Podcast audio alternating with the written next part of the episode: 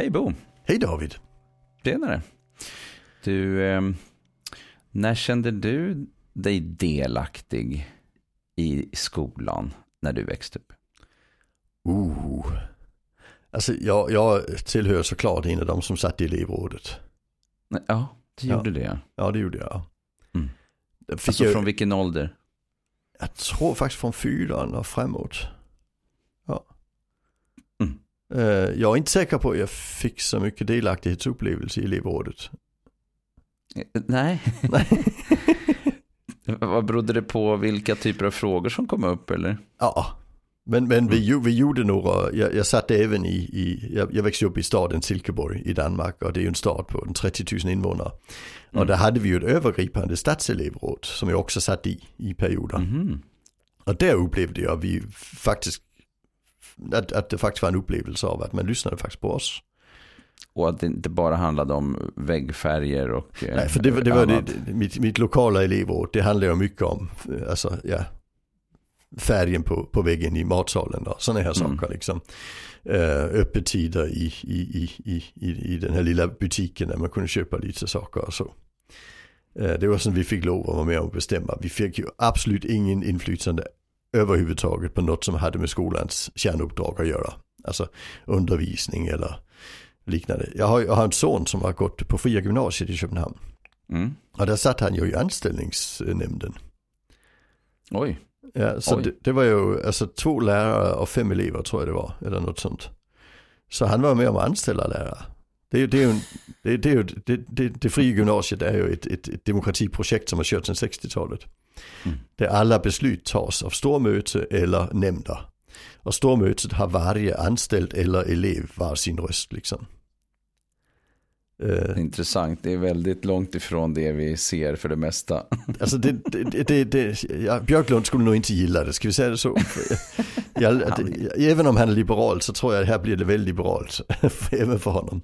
Eh, Men, men det, det, det är ju klart det är gymnasium i Danmark med högst betyg. Och i Danmark är det ju ingenting som heter glädjebetyg, för betygen sätts aldrig av en på ens egen skola. Utan det är ju, det är ju examen där, men, men betygen sätts av en censor liksom. Ja. Mm. Eh, Men, men han upplevde ju ett väldigt, ett väldigt medbestämmande och, och delaktighet på den skolan i alla fall. Ja, Och det gjorde jag på Intressant. det här, på det här alltså, övergripande stadsplanen. Där tycker jag faktiskt att de lyssnade på vad vi hade att säga. Mm. Sen när jag gick på universitetet hade vi lite åsikter också. Eh, som innebar att man ändrade faktiskt lite upplägget på programmet på, på mitt universitet, Lunds universitet. På grund av kritik vi kom med i, i min kursgrupp. Så där upplevde jag faktiskt också att där upplevde jag mig delaktig. Eh, Men, men det var ju också för att vi kunde påpeka att en tredjedel hade hoppat av utbildningen. Ja, det var ganska seriöst. Ja, ekonomiska incitament också. ja precis, och vi kunde berätta varför. Och, och det hade de inte Just riktigt det. fattat. Mm, Nej. Jag tycker mitt engagemang på gymnasiet var det för min del. Eh, var nog mera väggfärger än mycket annat. Eh, det som jag kommer ihåg från universitet, universitetet det var ju att vi, eh, det var verkligen skendemokrati i bemärkelsen. De ville ta in information om vad vi tyckte. Men de lyssnade inte ett smack på vad vi sa, kom ihåg vid en kurs. Och, och, och jag minns precis den här känslan av enorm besvikelse hos eh, alla, hos mig och mina kursare över liksom hur ignorant det var att Mm. eh, först ta tid till att försöka ta reda på saker och sen, och sen inte bry sig ett smack. Mm. Jag upplever ju att när, när vi pratar delaktighet i skolan, eh, då, då just elevrådet är ju inte alltid där vi faktiskt får det. Utan det, det, det skollagen beskriver ju att det är där det ska hända. Mm. Men, men det beror väldigt mycket på den inställning skolan har, om det blir skendemokrati. Så man kan Så lära sig ju fria om- gymnasier kan jag säga. ja. Det, har kommit det- väldigt, väldigt berömda människor från det gymnasiet. Eh, Ja. Ja, alltså skådespelare och så vidare för de har bra dramalinje. Eh, men, men även, eh, alltså, alltså ä- ä- Mikkel och Öl, Mikkel,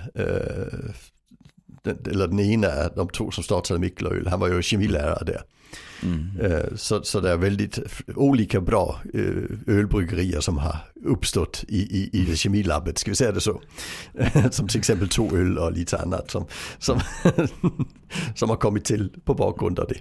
Så, det är så, intressant. Ja, för, för, man fick göra lite saker för det att eleverna var med och bestämma vad som fick göras. Alltså, Brygga öl till exempel på kemilektionerna. ja, använda kemilabbet i skolan till att, att starta upp någonting som sen blir ett världsberömt Det tycker jag är lite kul. Även elever har gjort det. Ja. Mm. Mm.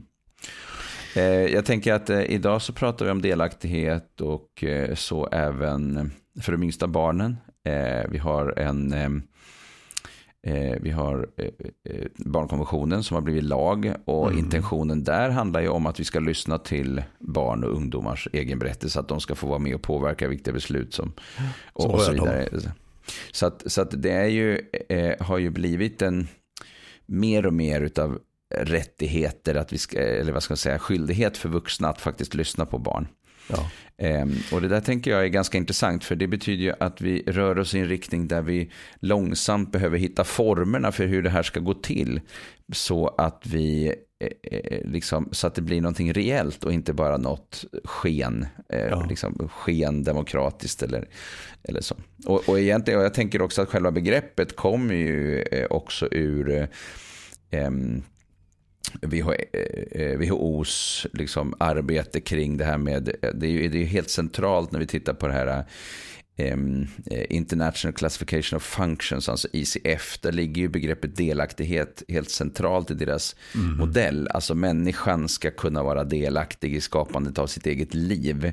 Mm. Så att det här är ju liksom ett begrepp som vi måste omfamna, men vi har ja. fortfarande ganska svårt att ta till oss hur vi ska göra det på ett bra sätt. Och ibland kan jag tycka att man ger eh, barn för tidigt blir delaktiga i så att säga, eller så här snarare, i fel saker. Ja. Alltså att delaktigheten inte handlar om vad vill du göra nu och vilken leksak vill du leka med nu. Eller nu får alla sitta på vilken plats de vill i mat, eh, när vi äter mat. Liksom treåringarna mm. får välja plats. Det, det är kanske inte där som är den viktigaste frågan kring delaktighet. Utan det handlar ju mer om, om också helt andra saker. Om vi tittar på eh, här nu som exempel på förskolan. Vi, vi, vi ska helt enkelt börja tidigt. Men hur gör vi det ja, på ett bra sätt? Alltså jag hade ett ganska spännande samtal med uh, Lars Gustafsson, barnläkaren. Ja.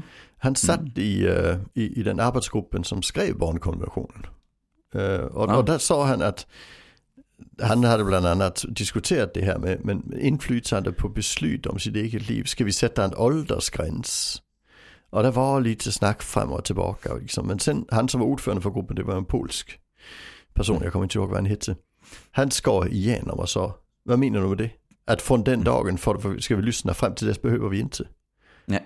Alltså han sa, vi, vi kan inte ha en åldersgräns. Utan det måste vara, vi måste ganska enkelt ha ett, att vi ska alltid lyssna på barnen. Sen ska vi vara duktiga på att lyssna, säger han. Ja. Alltså det, det, och det är det som genomsyrar hela, hela ICF också. Alltså vi ska ganska enkelt ta reda på.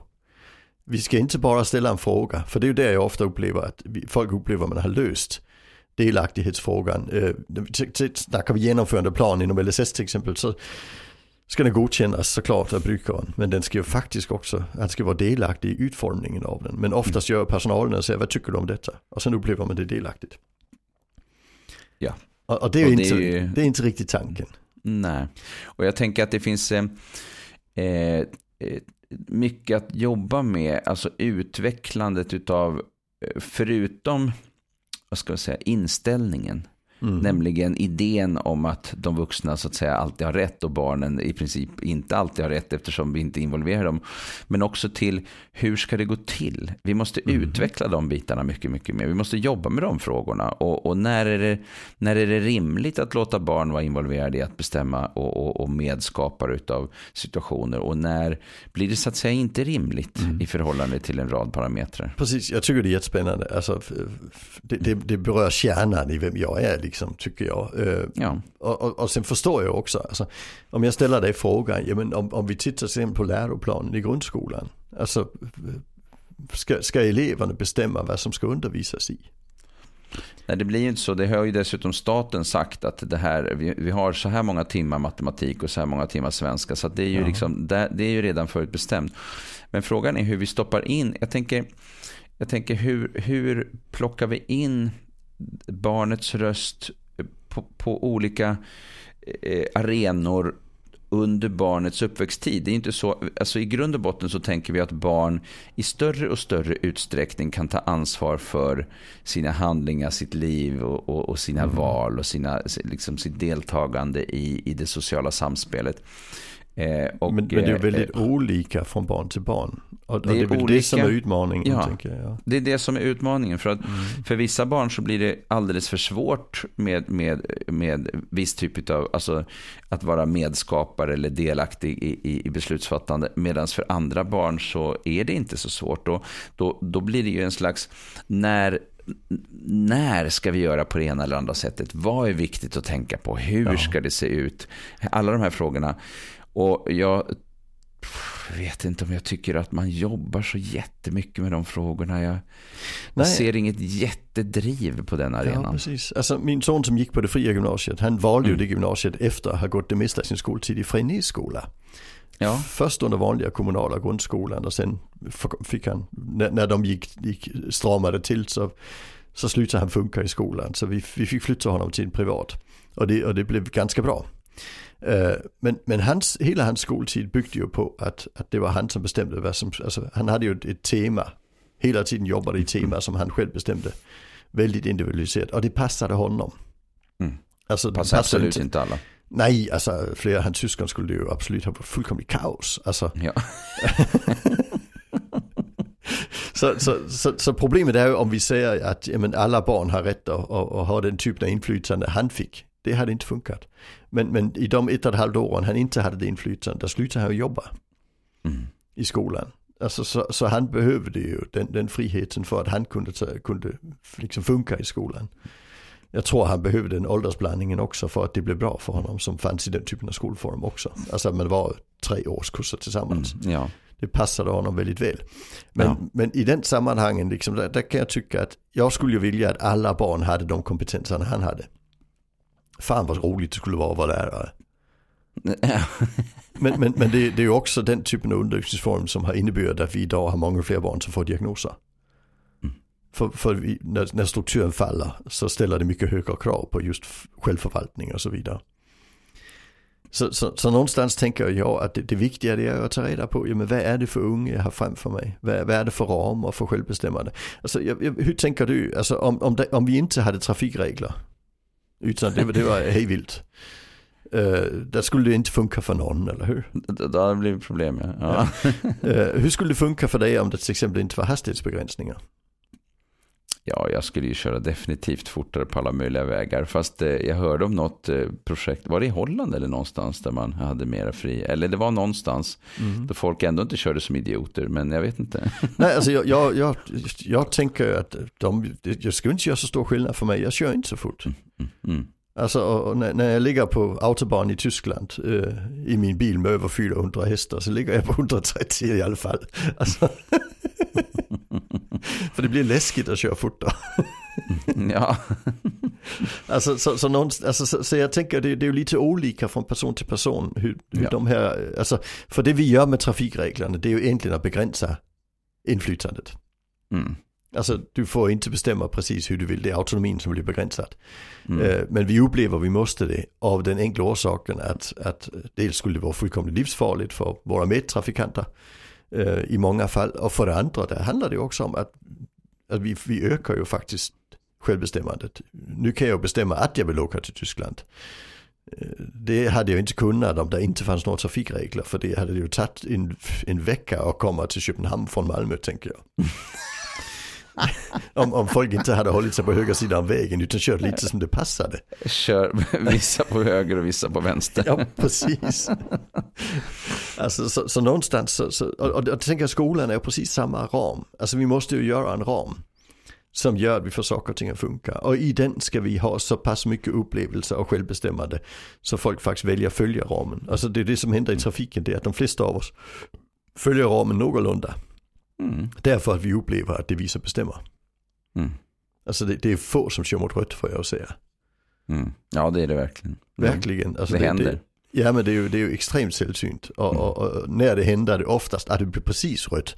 Det är väldigt mm. få som, när man, när man står där och det inte kommer någon motkörande och sen den första här bara kör över. Det har, alltså det har jag sett några få gånger i mitt liv bara.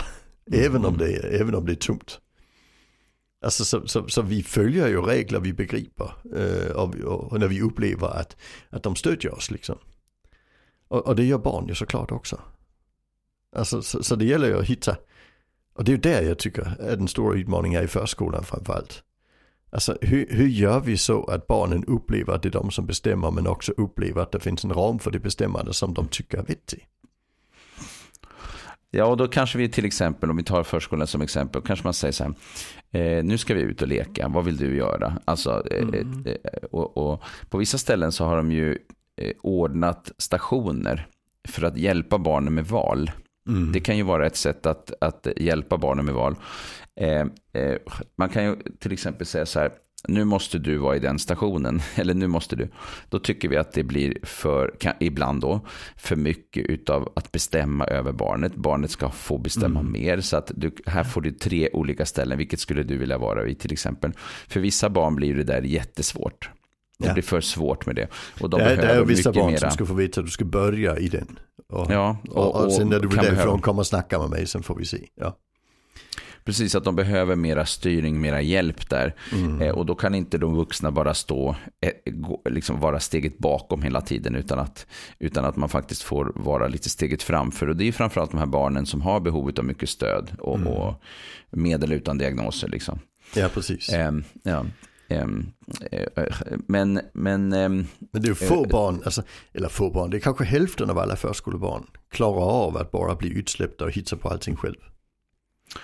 Ja, alltså det, det, är lite olika på olika eh, ställen verkar som beroende på hur, hur det ser ut på plats också tänker jag. Ja, eh, den fysiska ja, utformningen också. Ja, precis. För att eh, på en del ställen går det nog ganska bra och sen så har man något barn som behöver väldigt mycket stöttning och hjälp eller det blir liksom, liksom skapa små eldar på olika håll. Mm. så går in, vet inte hur man ska leka med andra barn och, och det blir liksom kaosigt och sådär. Men Eh, och det är mycket de här barnen som, som verkligen har liksom extra tufft som krockar med vardagen. Yeah. Eh, samtidigt så är det intressant för att eh, barnen är ju aldrig, vad jag vet, i princip involverade i när ska vi ha lunch. Nej. Den frågan är ju inte intressant. Ehm, eh, och tidigare har det ju varit vanligt att man hade fasta platser. Alla hade fasta platser, det var liksom standard. Nu har man ju börjat luckra upp det där lite grann. Så att det här med var man sitter någonstans, det, det, det kan variera. Och eh, på vissa ställen så eh, kanske man sitter vid något visst bord. Men man får välja plats runt bordet eh, så att det blir olika varje gång. På vissa ställen så är det mer att man sätter sig där man vill. Eh, på andra ställen så har man sin plats. Eh, mm. Och kanske personalen roterar eller, och så småningom så, så ändrar man på bordsplaceringarna. Men det är lite intressant det här. Men, vet barnet när man går och äter exakt på vilken plats det ska sitta på och vem det ska sitta bredvid. Det skapar ju en trygghet. Mm. och då så kanske man tycker så här, ja, ehm, eh, eh, ska, det, här, det här är ju att bestämma över barnen. Barnen har inte varit delaktiga. Och sen, ja, men då luckrar vi upp det här. Och då, när jag har ställt frågan, och det har jag gjort till jätte, jätte, jättemånga, eh, eh, om de har eh, dragit med barnen i frågan om de ska ha fasta platser eller om de ska ha fri sittning då är det ju en minimalt med personer som liksom, alltså det är mm. färre än en procent tror jag som har sagt att jo, vi har dragit med barnen i den diskussionen. Ja. Eh, så att då har man ju plötsligt bestämt att, då, då har man ju bestämt sig för, utan att fråga barnen om de tycker att det var en bra idé eller inte, då har man bestämt sig för att nej, vi ska ha fri sittning. Men ja. är det delaktighet? Ja, det, det alltså att välja i stunden, ja. det, blir, det, det, är liksom, det blir snurrigt alltså. Ja. Eh, alltså jag, jag, tänker också att alltså, vi, vi har ju ett, ett individualistiskt samhälle, att vi har en tanke mm. om, alltså den grundläggande liberala tanken som, som genomsyrar samhället är att vi är individer som ska bestämma själva. Mm. Men, men vi har ju också en annan berättelse och det är att vi är flockvarelser som är bra på samarbete. Och, och någonstans tror jag de två krockar här. Alltså vi tar det individualistiska perspektivet, du ska bestämma var du ska sitta. Men inte vi ska bestämma om, vi, om du ska bestämma var du ska sitta. Alltså. Just det, ja men precis. Och, och, och det, det, det, är det svåra för människor tycker jag, det är att ha två tankar i huvudet samtidigt. Mm. Alltid, och det är inte bara jag som säger det, det är en klyscha numera. Men, Ja. men, men, men det är det som händer här, att, att, att vi, måste, vi måste tänka flockbeteenden och vi måste tänka individualismen samtidigt. Och, och jag tänker varje gång vi pratar om medbestämmande är det ju det som är i spelet. Mm. Alltså går vi fullt individualistiskt är det ensamvargarna som, som, som, som trivas och klarar sig. Men de allra flesta är ju flockdjur. Mm. Uh, alltså så vi vill ju nog, ha någorlunda uh, samspel med omgivningen för att Ja, det ska och det funka. betyder att vi ibland skapar en ram kring en situation. Att man säger att Mm. nu, nu ungefär vid den här tidpunkten äter vi. Det är liksom Mm. ramen. Eh, och vi har de här tre borden till förfogande och vi är tre personal och vi har 21 barn om vi nu tar en förskoleverksamhet. Eh, så, ehm, och, eh, så att, men, men hur ska det gå till rent, rent praktiskt? Ehm, ehm, och det är ju inte så att alla, all delaktighet måste ske i stunden. Det är också så att man kan eh, involvera barnen i en process där man blir medveten om, då kan man ställa sig frågan så här, ja men kan, kan barn som är 3, 4, 5 år, kan de verkligen liksom eh, kan, kan, får de, ska de verkligen kunna få vara med och ha åsikter om man ska ha fasta platser eller inte fasta platser? Om man tänker så här, men okej, men innan man inför en sån här sak kan man inte prova under ett tag och sen ha en dialog med barnen om vad hände när vi gjorde på det här sättet? Vad hände när vi gjorde på det här sättet? Vad var skillnaden mellan det ena och det andra och hur blev det för mig? Eh, så att man liksom, ah, och, och då hjälper man ju inte enbart barnen i att vara involverade i delaktighet utan också i att eh, förstå hur blir det för mig? Hur blir det för andra? Eh, vad är viktigt för mig? Eh, och- så att det finns en slags självmedvetenhet. Eh, det finns en slags demokratitanke i det. Eh, man stärker tanken. Och det, och det här är ju lite kanske också intentionen i förskolan när man pratar om delaktighet, att involvera barnen. Men det betyder ju inte att de alltid ska få bestämma eller, eller ibland då aldrig ska få bestämma. Utan att vi måste jobba med den här frågan på olika sätt. Sen kanske vi ändå landar i att nej, men vi som personal tycker att det har blivit väldigt rörigt när vi har det på det här, det här sättet. Så vi tycker att vi ska göra så här och så här istället. Okej, ja. Ja. Så det där är ju lite spännande tycker jag. Hur jobbar man med det rent praktiskt liksom Ja. i vardagen? Och jag tänker också det är två tankar som krockar där. Alltså det, det är krocken med, mellan autonomi och delaktighet. Alltså ren autonomi, det är att jag i stunden bestämmer vad jag vill. Eh, Men i praxis så barn trivs ju mycket, mycket bättre med att jag får inflytande på ramen. Och, och då kan jag följa ramen för jag upplever ändå att jag har inflytande. Och vi får en mycket mer förutsägbar vardag. Barnen får en mycket mer förutsägbar vardag. Vi får en, en trygghet i, i, i barnflocken och så vidare. Men, men, men vi kan ta upp saker till diskussion och då ändrar vi på strukturen. Så egentligen skulle man då skifta från att eh, istället för att det är de vuxna som skapar ramen och barnen som skapar innehållet, att det kanske är barnen som ska vara involverade i att skapa ramen och, eh, och sen, eh, eh ja, sen är ju frågan med innehållet. Ja, men jag tänker nej, just, men det är just, på den, intressant. ja, men just på den diskussion kring, eh, ska vi ha fasta platser eller inte? Det är ju en Ja, ramfråga. Mm, ja, och, och, och kan vi lyssna på barnen och komma fram till något Mm. som, som vi allihopa är överens om, då blir, det ju, då blir det ju en mycket bättre upplevelse för barn. De Mm. upplever att de har inflytande på sitt liv. Att, att, att, att få veta att du kan sätta dig var du vill, det in- det in- innebär ju inte med säkerhet att personen upplever att man har inflytande över sitt liv. Nej, För det betyder till exempel att du kan komma och sätta dig hos någon som säger att du får inte sitta här för där ska min kompis sitta. just det. Precis. Och då känner man sig verkligen inte inflytande på sitt liv. Och, och, då har vi ju andra jättestora viktiga frågor som, som handlar om det här med hur det påverkar att bli utesluten. Eh, Ja. Vilket verkligen är ett, jätte, en jättestor och viktig fråga. Ja. Alltså jag, jag det så tillhör de som, som anser att vi borde ha de här diskussionerna i skolans matsal också. Ska vi ha fasta platser? Ska vi inte? Mm. Hur ska vi tänka? För, för att vi inte ska ha ett barn som sitter vid sitt eget bord. Mm. Alltså Nej. blir utesluten. För det, Nej, det finns ingen autonomi i det någonstans liksom. Nej, jag tror att de klarar det bättre i de yngre åldrarna. Förhoppningsvis är det så. Där har de ju mer fasta platser. Men, Mm. men i de äldre, eh, när man kommer högre upp i åldrarna, då, då blir det svårare. Högstadiet till exempel, väldigt mycket fri. Och gymnasiet är det förstås mycket mer frisittning. Men Mm. vi har ju rört oss i en riktning där det är mer och mer fritt när det gäller just till exempel sittning. Eh, i yngre åldrar. Men nu ser jag också en annan trend. Eh, det är att jag har varit, haft kontakt med flera högstadier där man har skapat fasta platser i klassrummen och hemklassrum till exempel. Ja. Och, få, och fått ner ehm, eh, mängden liksom, problem och incidenter jättemycket. Mm, man får ner eh, skolk väldigt mycket också. Det, mycket det är mer, viktigt. Ja. Ja, det är otroligt eh, stor effekt som det har mm. haft med den typen av eh, utav förändring faktiskt. Och, och, och där är det någon som skulle säga att då minskar vi autonomin, men det gör vi ju faktiskt inte. Alltså vi, vi, vi, det vi faktiskt gör det är att vi ökar ramen eh, så den blir mer förutsägbar. Mm. Och, och, alltså jag tänker lite att ska jag uppleva mig autonom i min vardag så ska jag ha en förutsägbar ram jag kan vara autonom i. Som trafikregler. Mm. Alltså för annars blir det bara kaos. Uh, och, och då kommer jag reagera. Jag vill ju gärna agera. Uh, det är ju där jag upplever att jag, jag blir en agent i mitt liv. Det är ju det, det, är det begreppet vi gärna vill ha. Ja. Och sen för att komma tillbaka till du frågar innan, men är det då innehållet vi ska bestämma? Men där, där, vi, där mm. flyttar vi oss över i skolan, där blir det ju klart.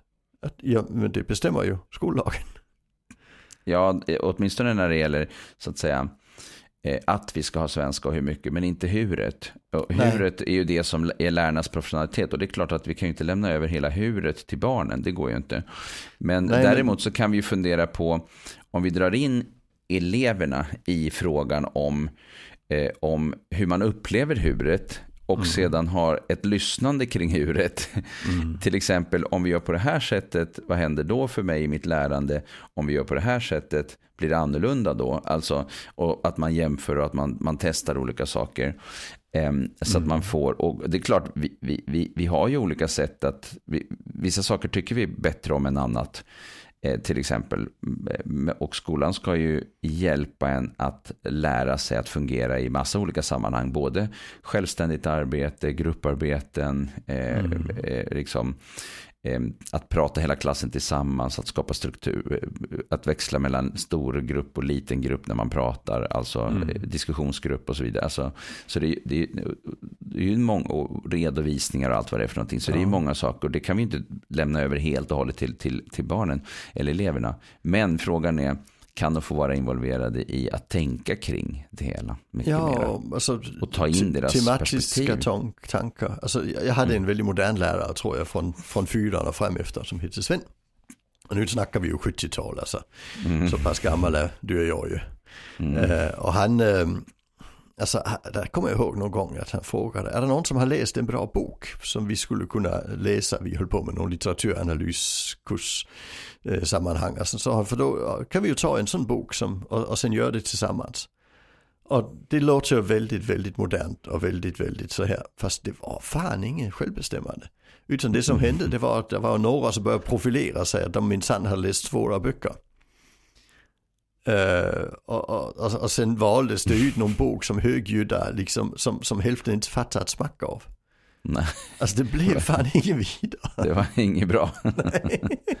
det var inte genomtänkt. Nej, och jag tänk, för, men jag tänker tanken var nog bra, men han tänkte nog mm. att vi var mer jämlika än vi var. För det, mm. han, han kastade in det så rakt i ett, i ett hierarkiskt system.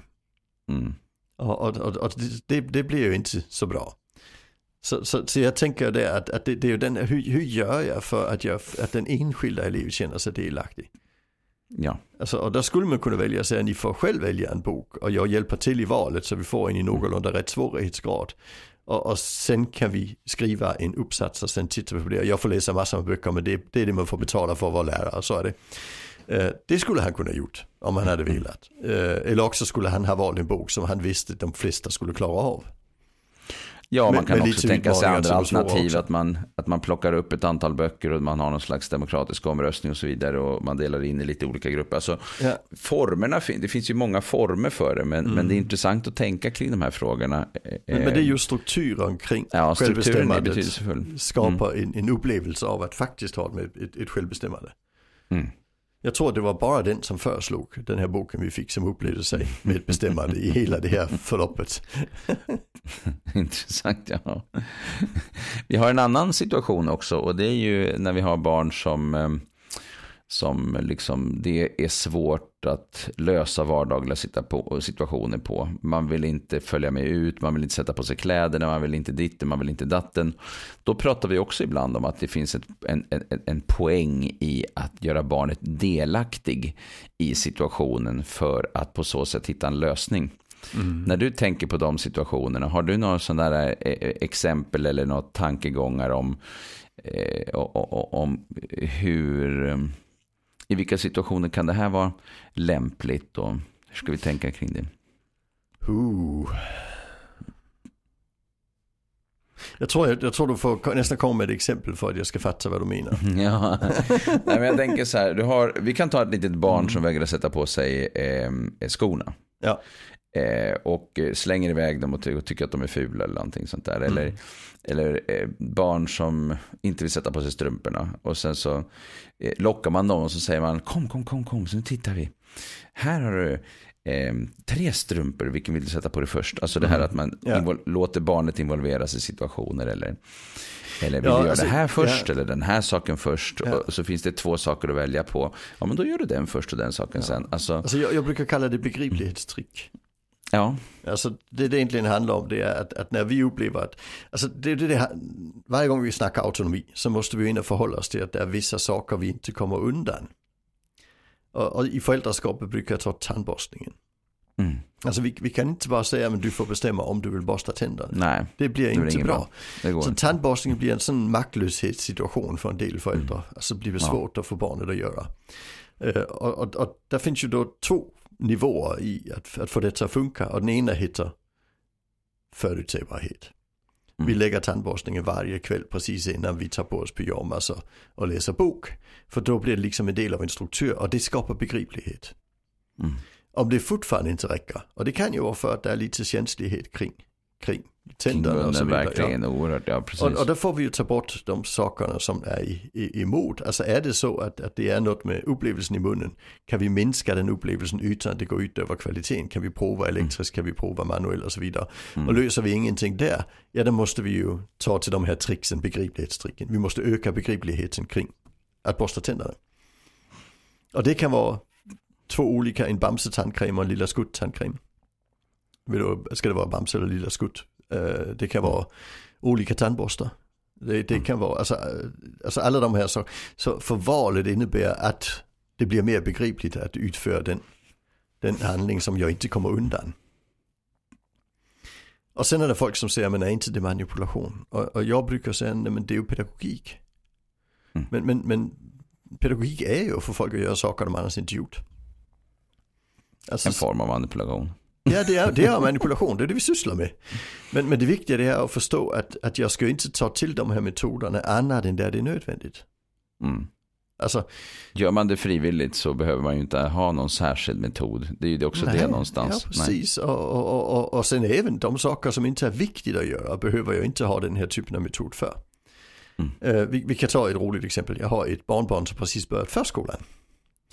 Uh, och, det är ju alltid kul. Uh, och, och, och, sen säger fröknarna då, uh, ja vi skulle vilja veta så här, hur tänker ni alltså kring det här med att om han inte vill äta något, ska, vi, ska han då inte få eller, eller alltså. De vill ha accept för att använda sig av. Ja men de vill liksom veta vad är föräldrarnas åsikt här. Ja just det. Och där föräldrarna säger, alltså det viktiga är att han äter. Så äter mm. han inte det ena, då ger ni honom något annat. Mm. Okej, okay, säger förskolan. Sen, sen funkar det för dem liksom.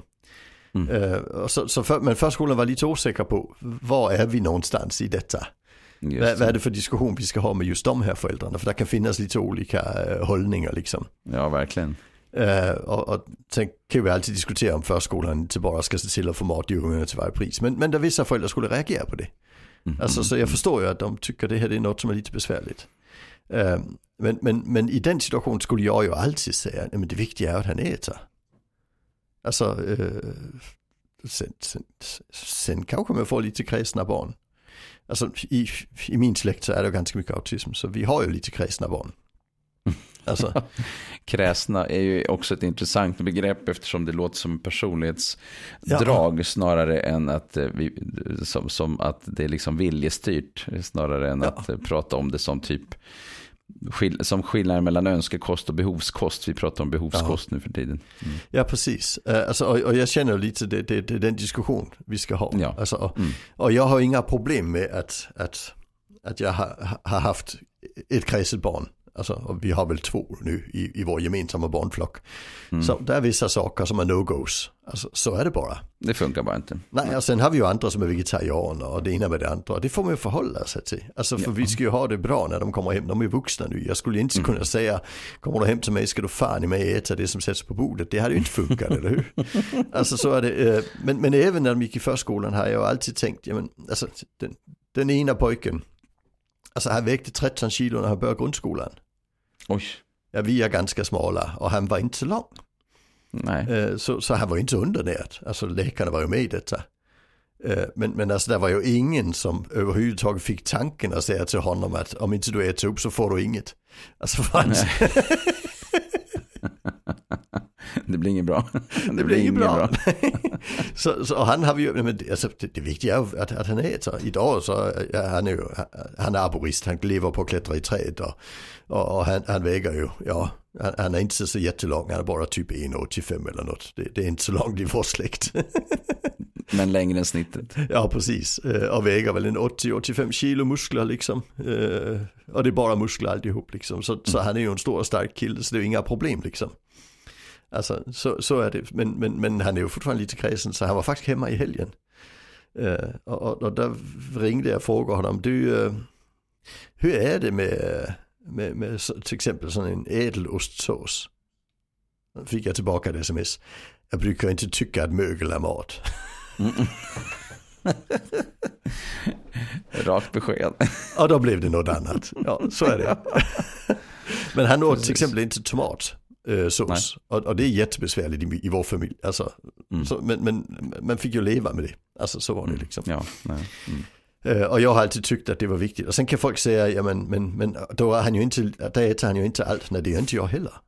Alltså så det, det är det ingen av oss som gör. Alltså problemet är om det du äter är något väldigt vanligt så blir det, eller inte äter är något väldigt vanligt så blir det besvärligt. Men jag upplever ju inte att det är handikappande för någon i min familj att det är vissa saker vi inte äter. Så, så det är inte att, att det har fått några konsekvenser. Och sen är det folk som säger, men vad är det med de som bara äter chicken nuggets? Ja, jag jobbar med dem också. Ja. Eh, och när vi fokuserar på det hela tiden för dem så, så, så blir det mycket värre. Men om de bara får chicken nuggets så börjar de äta fler saker efter ett tag för det blir lite tråkigt. Mm, mm. Så det är inte så besvärligt. Men, men det intressanta här det är ju hur kan vi understödja upplevelsen av att jag bestämmer vad jag äter för då vågar jag ta chanser. Men vi måste se till att folk äter. Mm. Ja, det är verkligen centralt. Och, jag tycker att det finns, eh, vi har ju varit inne på bestraffningar av olika slag tidigare, men den här, och, och konsekvenspedagogik. Men, och det där finns jättemycket kring maten tycker jag, eh, mm. i olika verksamheter. Äter du inte det som serveras får du ingenting och nej, du ska inte hålla på. Jag tror, jag tror det blir ångest kring maten hos dem ja, runt omkring och det är det som triggar de här metoderna. Ja, nu hör jag om fler och fler som kräver att man ska ha papper på allting. Och, och, det betyder ju, det kan ju vara oerhört komplicerat att få, få till det där på ett bra sätt. Alltså det, det blir så fyrkantigt av alltihopa. Eh, ja. eh, så, och det är ju inte alla som liksom har någon diagnos som, som har gigantiska svårigheter med att äta viss typ av kost. Och, och så länge som det handlar om allergi, då, då är det en sak. Då, då, då brukar det oftast accepteras att man bara säger att eh, mitt barn här är allergisk mot fisk eller ditt och datten. Det är inte så mycket diskussion. Men är det någonting mer av behovskost eh, då, då ska det plötsligt till massa papper och grejer. Och det där tycker jag är, är, är liksom, ja, det, det, det är knepigt. Ja, för alternativet är att barnet inte äter och då blir inlärningen inte bra. Det blir skolans uppdrag. Inte, når inte skolan bollen. Nej. Nej, det funkar ju inte liksom. Ja. Vi, vi har ett roligt begrepp hemma, vi kallar det hissintyg. Ja, och, alltså hiss. Hissintryck och det bygger, det bygger ganska enkelt på min fru är barnmorska och jobbar med mödravården. uh, och, och sen SFI-utbildningen i Malmö, den låg tidigare vid Södervärn. Uh, I ett hus där det var en hiss uh, och det var uppe upp i huset att, att undervisningen var. Men hissen mm. hade för lite kapacitet. Mm -hmm. Så de studerande, det här är alltså vuxna människor. Ja. De studerande fick inte åka hiss men det fick personalen. Och sen när man var gravid, så det första man skaffade sig det var ett hissintyg som man slapp ta trappan. Ja. Så, så, så mödravården får alltså skrivit hissintyg till massor med människor som gick på SFI. Det tycker jag är jätteroligt. Alltså, så det, det är sån, när, när man behöver ett intyg för något som borde vara självklart. Ja. Det kallar vi ett hissintyg. Ja. ja, ja. Mm. För, för det, det är ju, det där blir det begränsning i ett självbestämmande som, som upplevs som meningslöst. Eh, eh, Ja, mm, nej, Alltså, precis. ja. Och, och, och det var så man försökte lösa situationen där. Mm. Ja, nej men vi har ju det här med delaktighet är en stor fråga. Jag tänker att vi, vi säkert får återkomma till den, för den är också väldigt central överhuvudtaget när vi pratar om de här, eh, eh, eh, ja, arbetet i de här verksamheterna där, där vi har barn och ungdomar och personer som liksom eh, krockar med tillvaron. Eh, vi, måste, vi måste jobba med det på olika sätt, men jag tycker att det finns mycket att, att tänka kring där eh, som handlar om val, delaktighet, eh, processer, demokrati, eh, medbestämmande, självbestämmande. Eh, det är liksom stora begrepp i det här som är Det är det. Ja. Mm. Ja, vi kanske ska runda av där för idag då.